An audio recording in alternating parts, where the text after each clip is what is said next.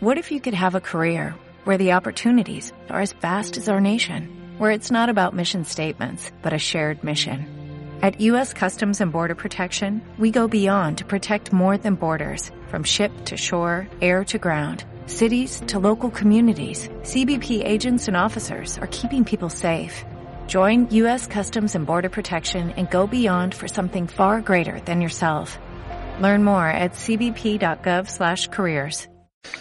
Sí, Alcaldessa, bon dia. molt bon dia, què tal? Eh, la trobada, la concentració, a les 12, el dia 12, a la plaça de la Vila, eh, quina valoració en faria?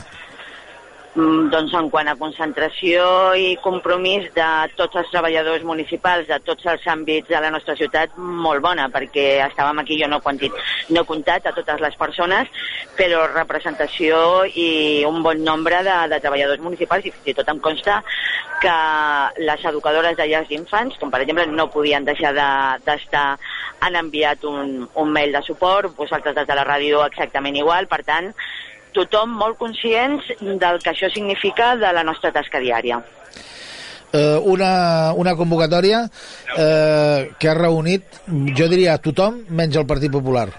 Eh, això és una prova clara de que aquesta llei no és una llei per tothom? Bueno, això és una prova clara i, i, continu, i que continua amb el temps. Eh, les lleis que des de l'estat espanyol, amb el govern del Partit Popular, s'estan portant a terme, tenen, com mai havien tingut a la vida, el consens de tota la resta de partits que en el moment que el Partit Popular no governi es derogaran.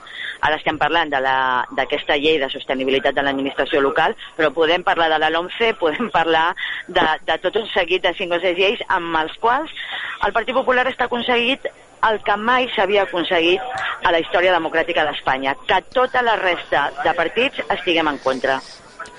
Diguem, eh, si pot, eh, què és amb el que més afectaria els ciutadans de Barberà si llei s'acaba portant a terme?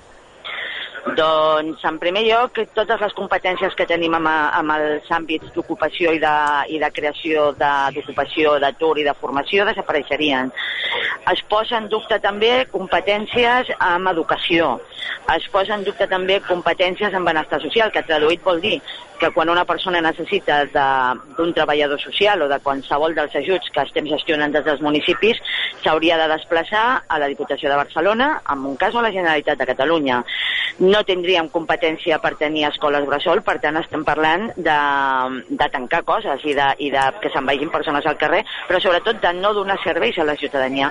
I poso aquests exemples, o escoles de música, sense anar més lluny, poso aquests exemples perquè són els més però n'hi ha molts més amb els quals l'autonomia local queda absolutament minvada i laminada.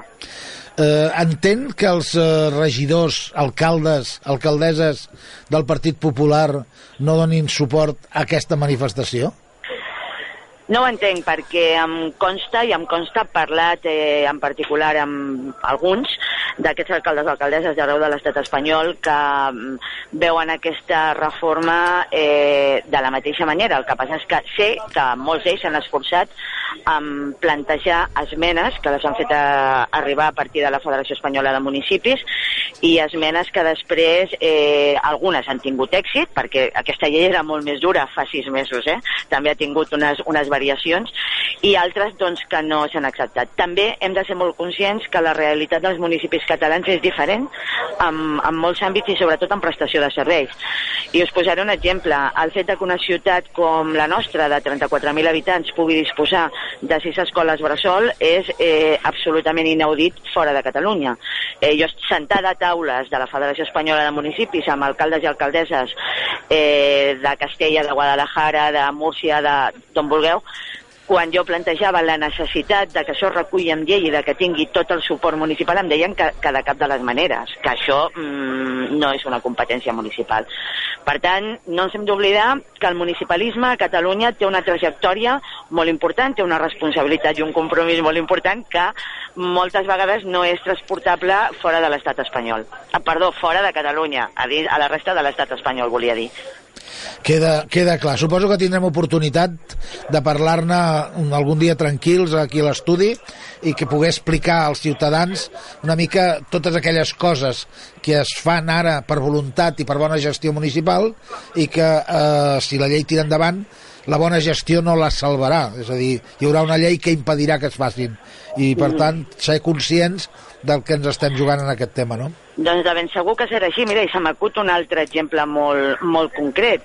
Aquesta tarda eh, inaugurem de forma oficial el centre de rehabilitació a Barberà, a, allà a la Ronda Santa Maria.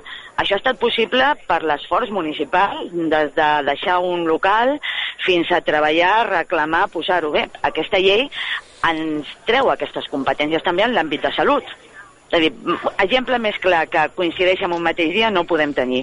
A Barberà del Vallès aquesta tarda s'inaugura, ja està en ús, oficialment el centre de rehabilitació amb l'àmbit de salut que si aquesta llei arriba a terme, eh, l'estat espanyol ens dirà que no tenim competències perquè l'Ajuntament treballa amb aquestes coses. Podem entendre que això sigui així? Sabent segur que no, perquè eh, serà, eh, vostès són els primers que, els que acudim als ciutadans quan ens eh, passa alguna cosa al, al govern municipal. Per tant, eh, en fi, no crec que la solució sigui que l'alcaldessa de Barberà o la de Badia o el de Sabadell, és igual, es comprin un, un microbús i quan vinguem els ciutadans a protestar per alguna cosa d'aquestes que no tenim, vostès ens limitin a dir pugin a l'autobús que els portarem a la plaça Sant Jaume. Suposo que això no és alternativa, oi? No, no, sobretot no, no és l'esperit de la democràcia que al, al llarg de 35 anys entre tots hem treballat tot per aconseguir-ho, ni molt menys. Alcaldessa, moltíssimes gràcies per haver estat als micròfons de Ràdio Barberà. Segur que la setmana que ve em sembla que tenim previst una entrevista, podrem parlar d'una mica més d'aquestes coses i d'altres, i, en fi, bona jornada de reivindicació i sobretot aquesta tarda eh, felicitats per posar en marxa una cosa que a Barberà s'ha reivindicat i, i s'ha demanat des de tant temps, al final ho tenim allà a la Ronda de Santa Maria, que és el centre aquest de rehabilitació. Gràcies. Molt bé, moltes gràcies a vosaltres. Fins aviat. Adéu. adéu. adéu. Doncs eh, això, volíem saber com havia anat, ha anat bé.